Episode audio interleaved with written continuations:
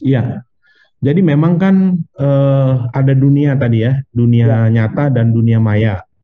Dunia nyata ya seperti saya ini, ya ya, gitu ya. Nah, dunia maya nanti eh, masuk ke dalam dunia virtual. Misalnya ada perusahaan yang menjual produk, misalnya alat-alat rumah tangga gitu ya. Nah, dia mau taruh bangkunya cocok nggak di ruangan ini? Nah, ruangan tadi kita foto atau kita videokan. Nah, kemudian bangkunya kita paskan cocok nggak di ruangan pojok ini, apa di tengah atau di sini. Jadi tanpa kita eh, apa berkeringat susah payah menggeser bangku, bangku itu sudah kita bisa mainkan di handphone. Ada perusahaan make up. Nah, nanti kalau ini sudah perusahaannya menggunakan metaverse ya, jadi cukup apa diberikan lipstick ya kan, dibelikan alis mata, kasih bedak, ganti lagi, ganti lagi. Tapi wajah sesungguhnya tidak dilakukan. Itu hanya dilakukan di eh, handphone, di dunia virtual. TikTok Digital Yours. Halo, ketemu lagi di TikTok, obrolan menarik seputar teknologi. Dan kalau kita bicara masalah tren teknologi yang sekarang lagi hangat, lagi banyak dibicarakan adalah metaverse. Sesungguhnya apa sih ini metaverse? Banyak banget yang ngomong. Kita buka sosial media, Facebook kita banyak ya sekali yang ngobrolin tentang metaverse. Kemudian kalau kita klik channel-channel uh, YouTube dan lain sebagainya, banyak juga dikupas tentang metaverse gitu. Banyak sekali yang memberikan gambaran tentang uh, dunia masa depan dengan metaverse ini gitu. Kira-kira seperti apa? Sudah mulai muncul skenario-skenario, kemudian sudah mulai muncul cerita-cerita menarik. Tetapi masih banyak yang bertanya-tanya juga. Kira-kira apa sih yang akan terjadi uh, di era metaverse nanti? Kemudian teknologi-teknologi apa yang melatar belakanginya? Challenge-nya seperti apa? Dan bagaimana sesungguhnya uh, metaverse ini akan terakselerasi?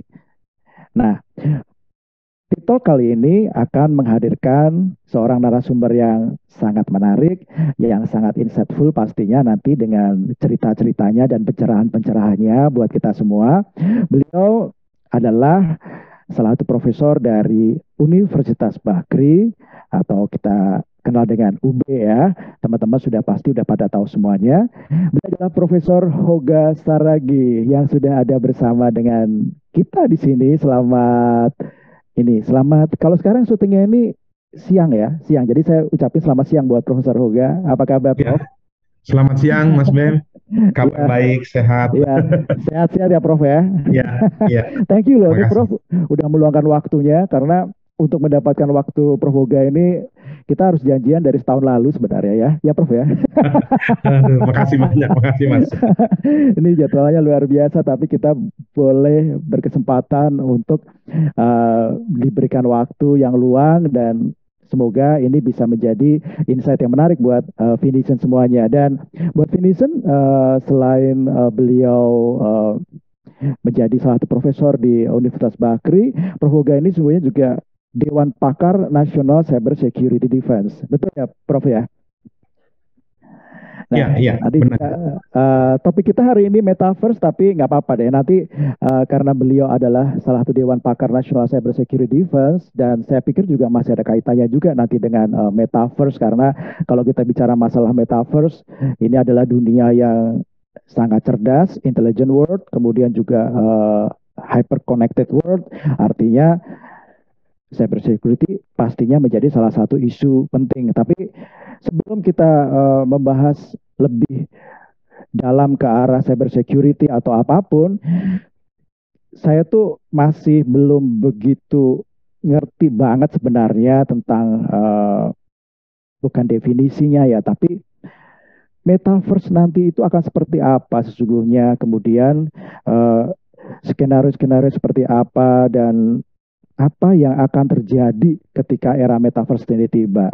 Nah, kira-kira kita pengen bahas itu dulu ya, dan kita akan tanyakan ke Prof. Hoga deh. Prof. Hoga, apa saja sih yang menjadi bagian metaverse nantinya itu dan boleh dijelaskan nggak sih jenis-jenis nanti seperti apa, kemudian apa yang akan terjadi dan uh, everything tentang metaverse itu. Monggo Prof, kalau boleh diberi pencerahan pada kita. Ya, terima kasih Mas Bem. Jadi memang metaverse itu terdiri dari dua kata ya.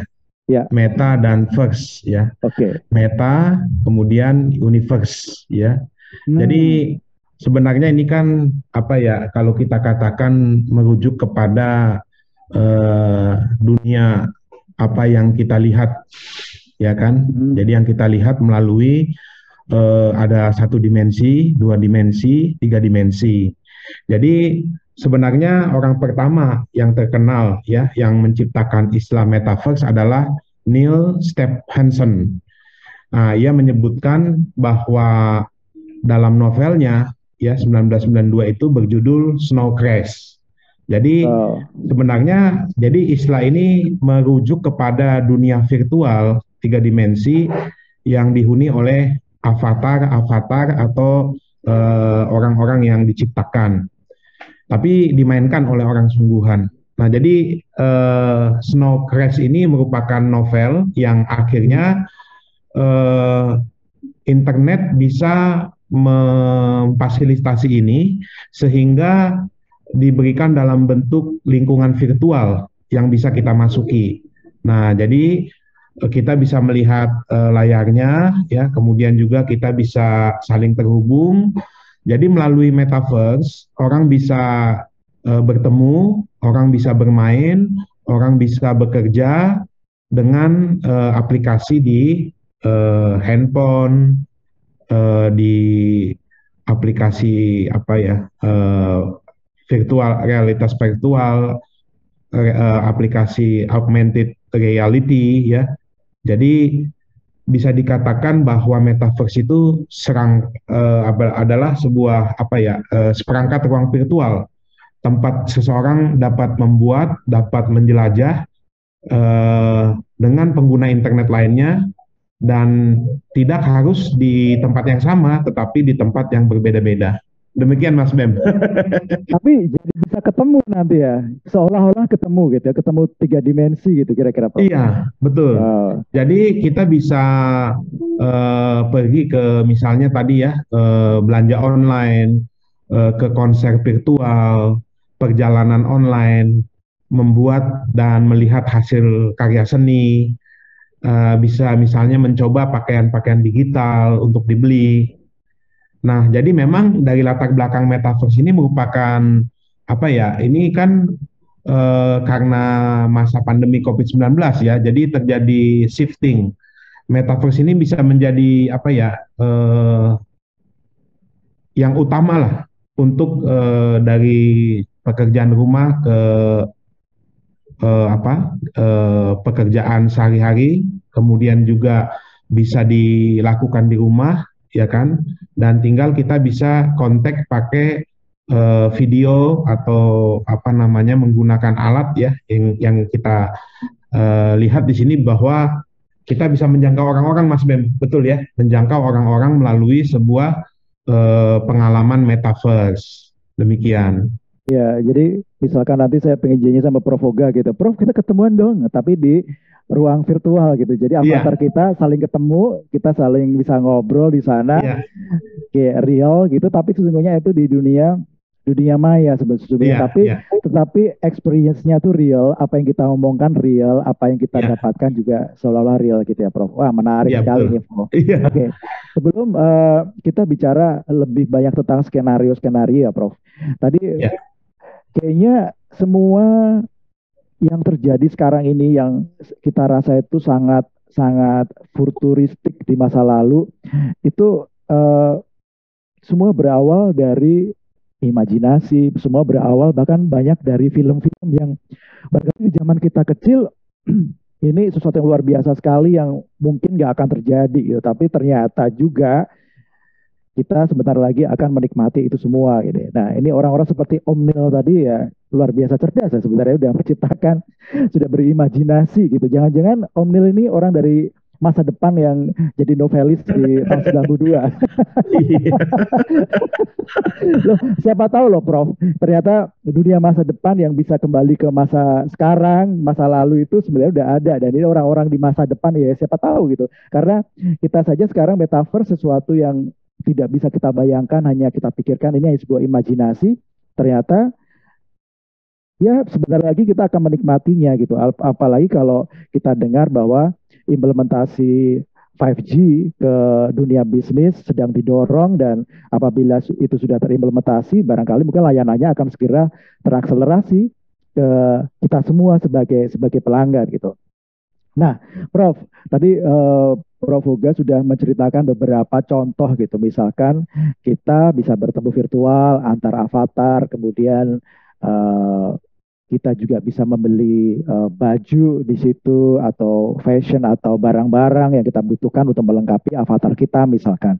Nah, kalau kita bicara masalah skenario-skenario, Prof, itu beberapa kawan juga sudah menginformasikan bahwa sekarang ini uh, bahkan beberapa kota di Indonesia itu sudah disiapkan kota virtualnya, kota metaverse-nya gitu.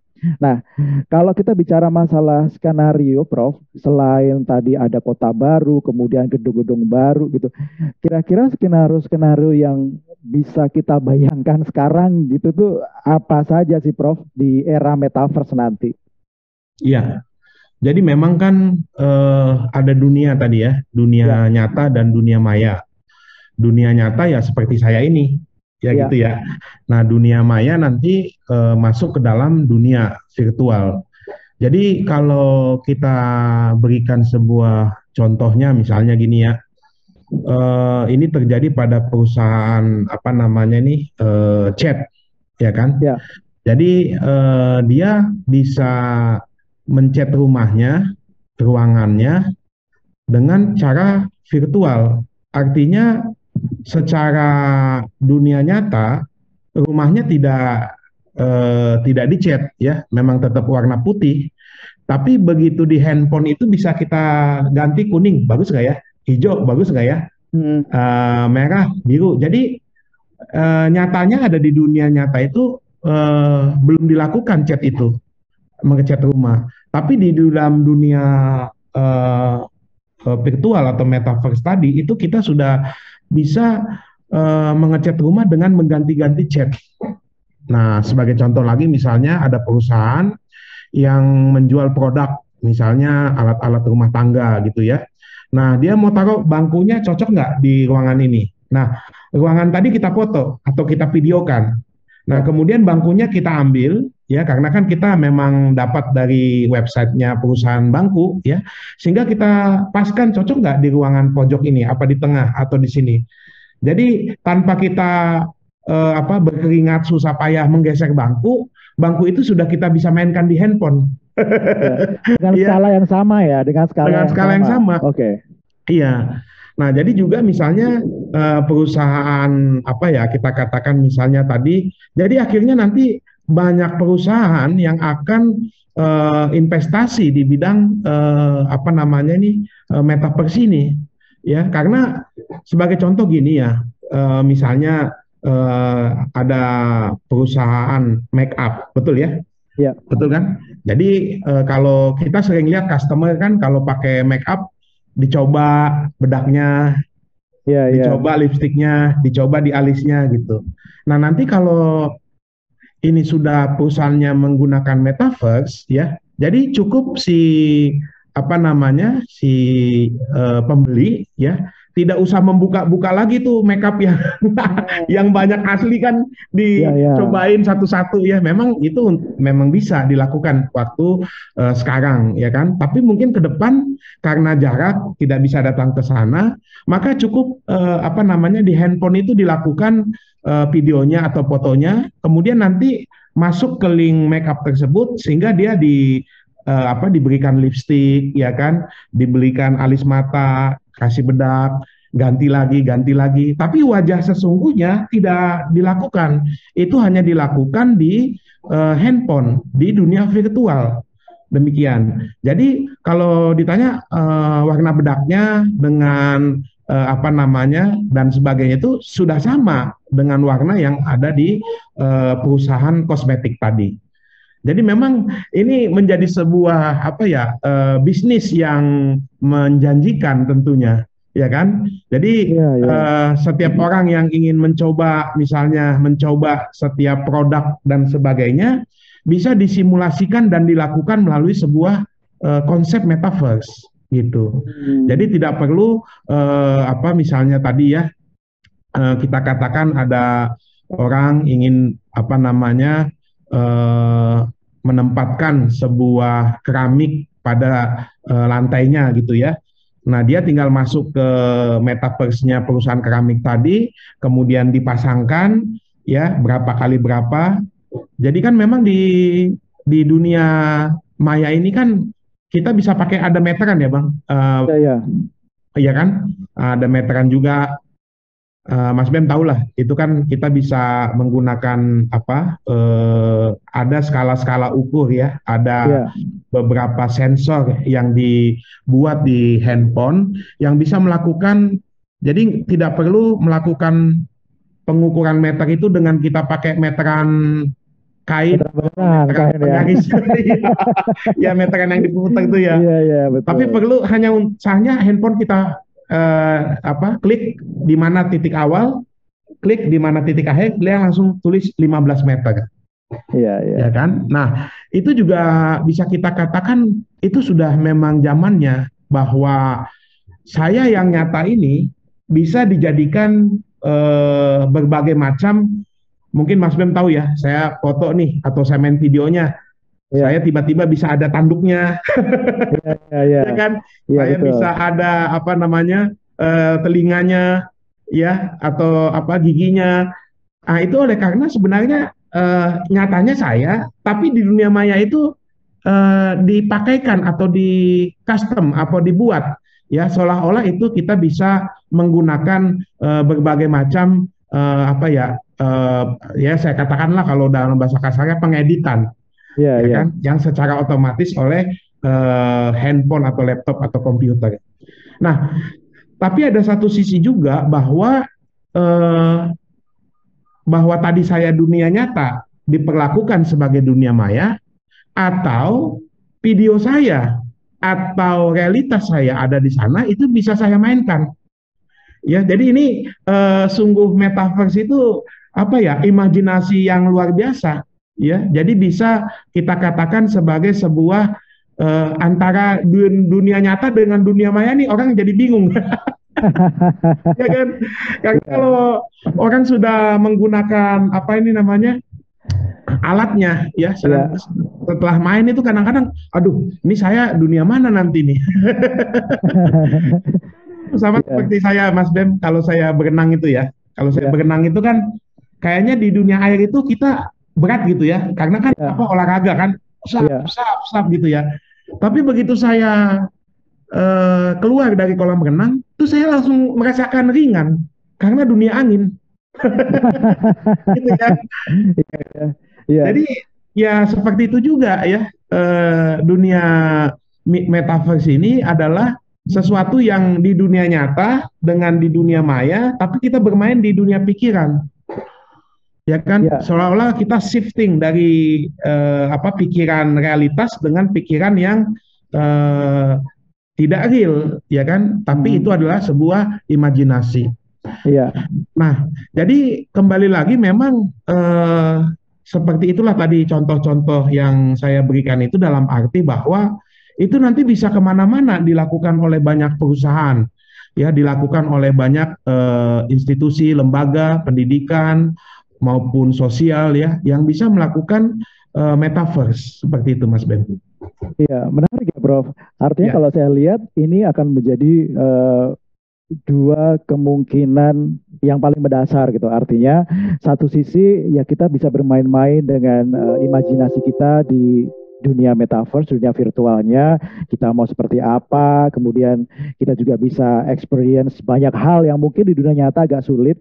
Tapi ada satu hal lagi yang menarik adalah bahwa kita bisa membawa apa yang ada di dunia metaverse ini ke dalam eh, dunia nyata atau mungkin banyak sekali bisnis-bisnis kemudian perusahaan-perusahaan atau penyedia layanan apa pun yang eh, memberikan eh, ruang kepada pelanggannya untuk bisa mencoba dulu lebih efisien, lebih praktis tanpa tadi buang-buang tenaga dulu, tetapi nanti uh, hasilnya di dunia nyata akan sama. Kayak misalkan tadi beli furnitur gitu ya, beli furnitur. Kalau sekarang kan kita bingung ya, kita di toko kita masih mikir-mikir, aduh ruangan gue pas apa enggak ya ini ya gitu ya. Tapi nanti dengan penyekalaan yang sudah uh, presisinya tepat, kemudian kita juga udah bisa membayangkan chatnya nanti akan seperti ini. Ketika itu dibawa ke dunia nyata, akhirnya kita memiliki experience yang sama. Jadi udah nggak bisa ngira-ngira lagi. Kalau tadi kan sekarang kita beli masih ngira-ngira kan Prof? Ini kayak pas gak ya? Waduh ini panjangnya Iya, iya. Pulang lagi mesin telepon di rumah. Itu berapa ini sih? Berapa uh, kotakannya berapa kotakan itu? Mesti mikir atau ukur ukur dulu gitu. Tapi sekarang mungkin dengan dengan metaverse uh, perusahaan-perusahaan bisa menyediakan ruang virtual atau toko virtual yang kita bisa berkunjung dulu, langsung kita bawa ke ruangan kita yang sudah virtual juga, kita pas-pasin di situ beres gitu. Bisa jadi saya jadi membayangkan ini peluang besar juga buat 3D 3D artis ya, uh, para seni apa namanya uh, desain 3D teman-teman. Iya betul. Bisa jadi peluang juga loh. Artinya semua akan membutuhkan itu gitu. Atau barangkali mungkin arsitek-arsitek yang dulunya hanya hanya apa? Hanya bisa memberikan layanan untuk bangunan fisik yang kita lihat, sekarang juga mereka juga bisa menyediakan layanan, oke okay, gue sediain bangunan lo yang ada di metaverse gitu kan. Nah, yeah, Prof, yeah. itu kalau di dunia metaverse ngomong-ngomong, berarti nanti akan ada jual beli lahan juga di situ ya? Iya, jadi jual beli lahan tanah ya kan? Iya iya iya. Jual beli, tapi ini tanah virtual. Tanah virtual, iya. iya, karena kan memang gambaran metaverse ini apa ya? Internet yang diwujudkan, ya kan? Betul betul. Ya. Pada dasarnya pengguna pengguna internet dapat memiliki pengalaman yang berbeda. Hmm. Uh, jadi istilahnya kan dulu pada satu dimensi, dua dimensi, ini tiga dimensi ya. Nah, ya. jadi metaverse ini bisa dipercaya dapat mewujudkan sebuah langkah untuk memberikan kesempatan mewujudkan dunia digital agar lebih komprehensif, lebih inklus, eh, inklusif ya. Jadi eh, dunia yang virtual ini memungkinkan untuk berinteraksi ya kan? Nah, jadi ya. intinya tuh misalnya gini, uh, seseorang mau pergi para wisata, betul nggak bang? Hmm, ya. Mas Bem kan sering ya berangkat misalnya ke mana Jepang gitu kan. Nah, tapi kan kadang-kadang kita uh, merasa uh, mau bayar tiketnya ragu-ragu gitu, karena apa nanti yang saya dapatkan gitu ya. Nah, gini aja deh, Pak, katanya. Sebelum Bapak nikmatin dunia nyatanya di eh, apa namanya para wisata Jepang ini. Nah, silakan coba eh, ikutin virtualnya, betul nggak? Ya, ya, ya. Nah, dia ikutin virtualnya, Mas Bem. Eh, pagi ke sini, siang ke sini, sore ke sini. Nah, nanti setelah dia selesai mengalami apa kejadian nyatanya, dia akan merasa kayaknya ada yang kelewat deh. Saya belum ada satu yang misalnya memancing atau membuat sushi misalnya. Oh iya, udah jadi diingatkan lagi.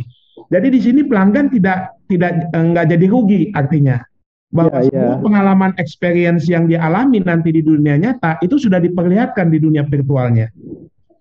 Ya kan?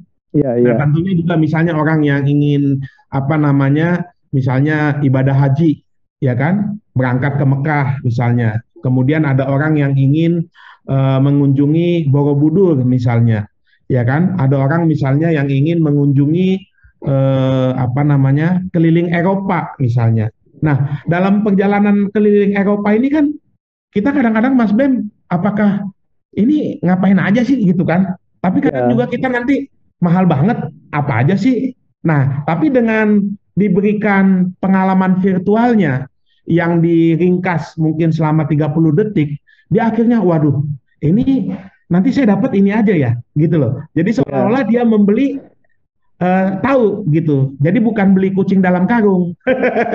Benar. Betul kan? Iya, betul betul. Iya. Ya, jadi artinya bahwa perusahaan tadi membuat secara uh, kita katakan sesuatu yang uh, apa uh, virtual ya, kita katakan metaverse tadi itu adalah dengan tujuan bagaimana mempromosikan, bagaimana berjualan, bagaimana mengkomunikasikan bahwa yang didapat nanti ini loh gitu. Ya. Ini mohon izin Mas Bem, kebetulan saya bersama istri tadi apa tadi sore ya kemarin sore itu kan Ya. eh, facial ya Ya. kan. Nah saya kadang-kadang berpikir mahal banget ini gitu kan. Ya. Tapi saya tuh eh, apa ya maksudnya agak emang diapain aja sih wajah kita gitu kan? Ya. Betul nggak?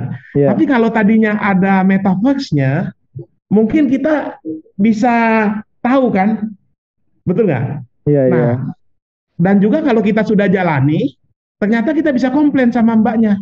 Maaf mbak, tadi yang apa namanya pendingin sama penghangatnya kok nggak ada di wajah? Oh iya saya lupa pak. Ah.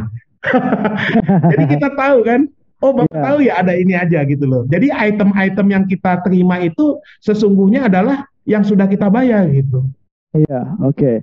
Iya Oh, iya. jadi, jadi itu menjadikan eh, dunia itu makin makin efisien, makin penuh pengalaman, makin bisa jadi makin produktif, makin kompeten juga karena semua bisa diukur dan eh, akhirnya walaupun itu ada di dunia virtual, tapi ketika di aplikasi dunia nyata, pelanggan-pelanggan juga akan bisa mendapatkan komparasi yang mereka akan Betul. bisa tuntut. Oh, tadi Betul. kenapa nggak begini-begini? tapi tadi cerita Prof eh, eh, Prof Huga itu menarik ya, yang tentang eh, kita kunjungan ke Jepang, ke Eropa, atau ke negara lain, atau ke Borobudur, atau ke mana pun.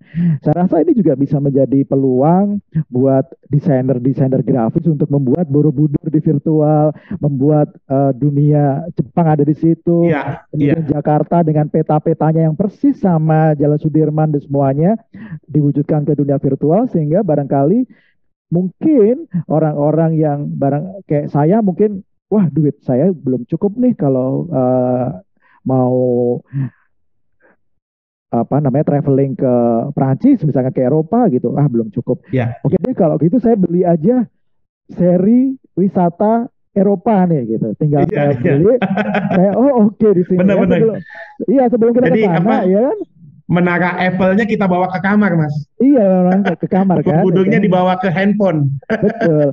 Atau mungkin selain handphone barangkali mungkin lebih eh, enak mungkin pakai VR kali ya Prof ya. Pakai VR iya, dan pakai kita akan alatnya. ya pakai virtual eh, reality yang eh, sekarang sekarang itu. Tapi siapa tahu ntar ada device-device baru yang kita belum tahu sekarang tiba-tiba ada inovasi baru orang menciptakan jebret. Ini ada sebuah perangkat baru yang kita belum bisa bayangkan sekarang tapi bisa membantu kita untuk mengoptimalkan pengalaman kita dalam menikmati dunia metaverse. Saya sih yakin kayak gitu karena siap, kita nggak pernah tahu ini ada tiba-tiba sekarang ada dan pastinya besok yang sekarang kita belum ada di kepala kita belum kita bayangkan sama sekali ternyata ada juga gitu dan eh, saya yakin itu dan kalau tadi dilihat dari skenario ternyata banyak banget ya Prof. Eh, bidang-bidang yang nantinya itu akan berkaitan. Kayaknya semua bidang deh. Ada pemetaan udah pasti. Kemudian Iya. tadi dibutuhkan eh, desainer 3D udah pasti. Arsitektur juga bisa bermain di sana. Tourism bisa bermain di sana. Kemudian apa pun lah itu supermarket juga pasti akan membangun supermarketnya yang ada di eh, dunia metaverse karena kalau kita dengar aja Jakarta sudah mulai dibikin nih mapnya apa namanya dunia metaverse-nya dengan skala yang sama, jalan-jalan juga sama gitu. Kecuali Ya. mungkin Ya. istana-istana negara merdeka ya, ya mungkin nggak bisa diubah habis apa di, diubah kali ya. Jadi, tapi Iya, kalau iya. kalau mungkin bank atau supermarket barangkali masih bisa. Oh, gue di dunia metaverse-nya begini deh desainnya. Itu kan bisa saja gitu.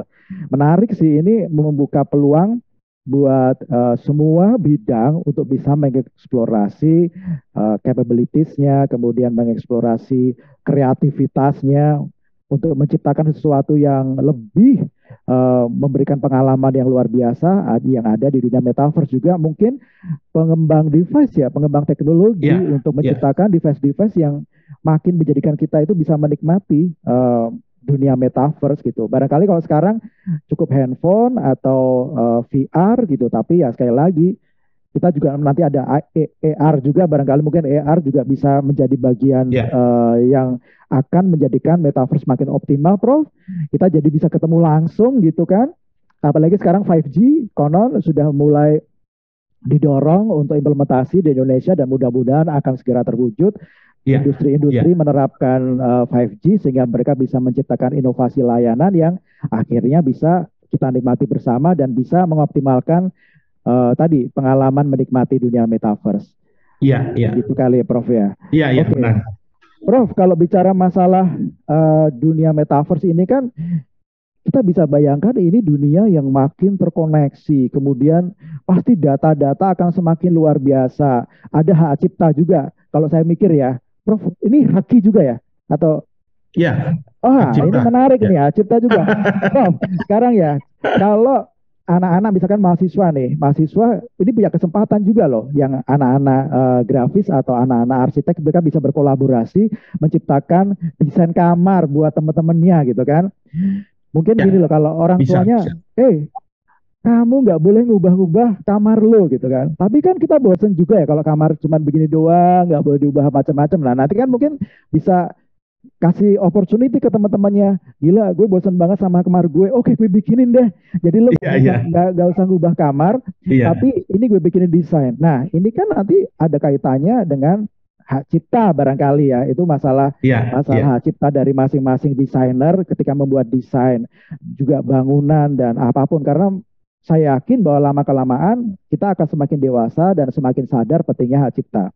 Nah, ini challenge-nya apa? Tadi kalau kita bicara masalah eh, apa Prof? Dunia yang semakin terhubung, data semakin banyak kan pastinya juga eh, amit-amit ya Prof. Kita juga nggak nggak ingin banyak sekali penjahat siber yang masuk. Tetapi ini sesuatu sebenarnya sesuatu fakta yang harus kita hadapi dan harus kita antisipasi. Pastinya juga banyak sekali eh, orang-orang berperilaku jahat yang akan memanfaatkan ini sebagai eh, sumber dana mereka juga gitu. Nah, Iya. kalau kita bicara ini berarti ini ada peluang banyak sekali, challenge-nya juga banyak sekali. Di, sa- di satu sisi challenge untuk menuntut kita untuk meningkatkan kapasiti kita, tapi satu sisi juga tadi ada beberapa beberapa faktor yang bisa kita up- kupas secara menarik. Ada cipta, kemudian ada cyber security juga atau keamanan siber dan lain sebagainya. Nah, kira-kira challenge-nya itu apa aja sih, Prof? Apakah tadi juga termasuk tantangan atau barangkali eh, Prof Boga punya ini nih, punya apa eh, pandangan atau insight buat kita untuk Ya. memahami challenge-nya nanti apa aja gitu. Ya, jadi memang eh, banyak ya Mas Bem challenge-nya ini karena kan metaverse ini kan eh, digunakan untuk berbagai aktivitas virtual seperti di dunia nyata. Jadi lewat dunia virtual ini kita bisa melakukan aktivitas bekerja, bersosialisasi, belanja, bermain, Ya. hingga mengunjungi tempat-tempat mungkin tempat bersejarah, tempat khusus, tempat apa yang tanpa harus kita berpergian secara fisik. Nah, ini saya ada sebuah survei nih Mas Bem di tahun 2022 nih baru ya. Oh, ya. Jadi- nih ya berarti ya. Ah, ah. jadi 52 responden, 52 persen ya maksudnya responden menyebutkan bahwa mereka ingin masuk ke metaverse mendapatkan pengalaman apa saja di ruang metaverse. Jadi sebenarnya yang paling besar itu adalah mereka ingin bekerja di ruang virtual. Hmm. Itu yang per- per- paling besar. Nah, yang kedua menonton seni dan hiburan. Yang ketiga investasi keuangan atau kripto. Hmm. Yang keempat eh, tempat mereka bisa belajar. Yang kelima bisa bersosial atau apa pacaran online lah. Kencan online ya. Kencan online. Oke. Ya, yang keenam itu bisa bermain game. Yang terakhir adalah untuk hiburan. Jadi kalau kita lihat di sini kegiatan-kegiatan yang dilakukan orang di dunia metaverse, terutama untuk bekerja, tentunya kan kalau bekerja menghasilkan uang ya. Hmm. Nah, tentunya di sini bisa kita lihat peluang-peluang bisnis yang akan Ya. muncul, ya Ya. kan? Jadi artinya bahwa eh, bekerja di ruang virtual itu berbeda dengan eh, pengertian bekerja di dunia nyata, ya Hmm. kan? Karena kan ini merupakan ada tambahan-tambahan ide-ide imajinasi yang perlu disampaikan, dilakukan supaya eh, eye catching atau eh, word of mouth ya bagi orang-orang yang eh, mengalaminya gitu. Hmm. Jadi dia pasti akan menceritakan, pasti dia akan eh, apa eh, mempromosikan dengan sendirinya. Ya. Nah, kemudian untuk yang uh, survei tentang uh, hiburan ya kan, kemudian investasi keuangan. Nah, ini yang perlu uh, yang tadi Mas Bem bilang sisi keamanan ya kan, ya. security karena itu kan berhubungan dengan uang ya, ya. kan, karena nanti uh, uang itu bukan lagi uang kertas atau uang koin atau uang logam. kan? Ya. itu adalah hanya sekedar pergeseran perpindahan ya. angka di keyboard ya kan? Perpindahan angka di display apa namanya nih handphone. Ya, ya kan? Jadi misalnya uang saya eh, apa satu juta gitu kan? Tapi ketika saya apa namanya eh, melakukan penggunaan jasa ya kan? Maka saya eh, memindahkan ya kan? Jadi angka itu hanya berubah, Mas Bem, nggak pernah kita pegang. ya. iya, tiba-tiba ini kok berubah gitu. Nah, uh, uang mayanya seperti apa? Ya, uangnya ya banyak nanti imajinasinya. Ya, kalau di kita katakan avatar ya. Kalau di kita itu mungkin uh, lebih kepada sisi pertukaran, ya kan? Pertukaran barang dan jasa ya kan? Lo tukar gue beli gitu istilahnya. Jadi ini akan muncul lagi nih ya. Banyak sekali apa namanya hal-hal yang tidak kita duga ya. Ternyata itu adalah uh, kita sebut sebagai sebuah pasar ya kan? Pasar itu kan tempat penjual dan pembeli bertemu untuk melakukan pertukaran barang dan jasa. Artinya misalnya buka lapak. ya kan tadi Mas yeah. cerita. Jadi nggak hanya kita punya lapak nih dengan banyak pengunjung, kita bisa jualan di situ secara virtual dan uangnya masuk itu. ya, ya betul. jualan apa Pak? Ya banyak ya. Jualan uh, apa kalau di game tuh dia mau canggih beli senjata, betul nggak?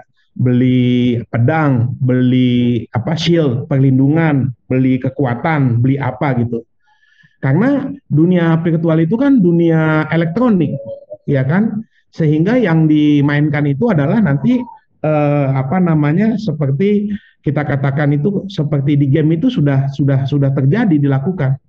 Bahwa dia nanti kalau apa namanya bisa ber, apa melakukan sesuatu dapat eh, uang. Betul ya?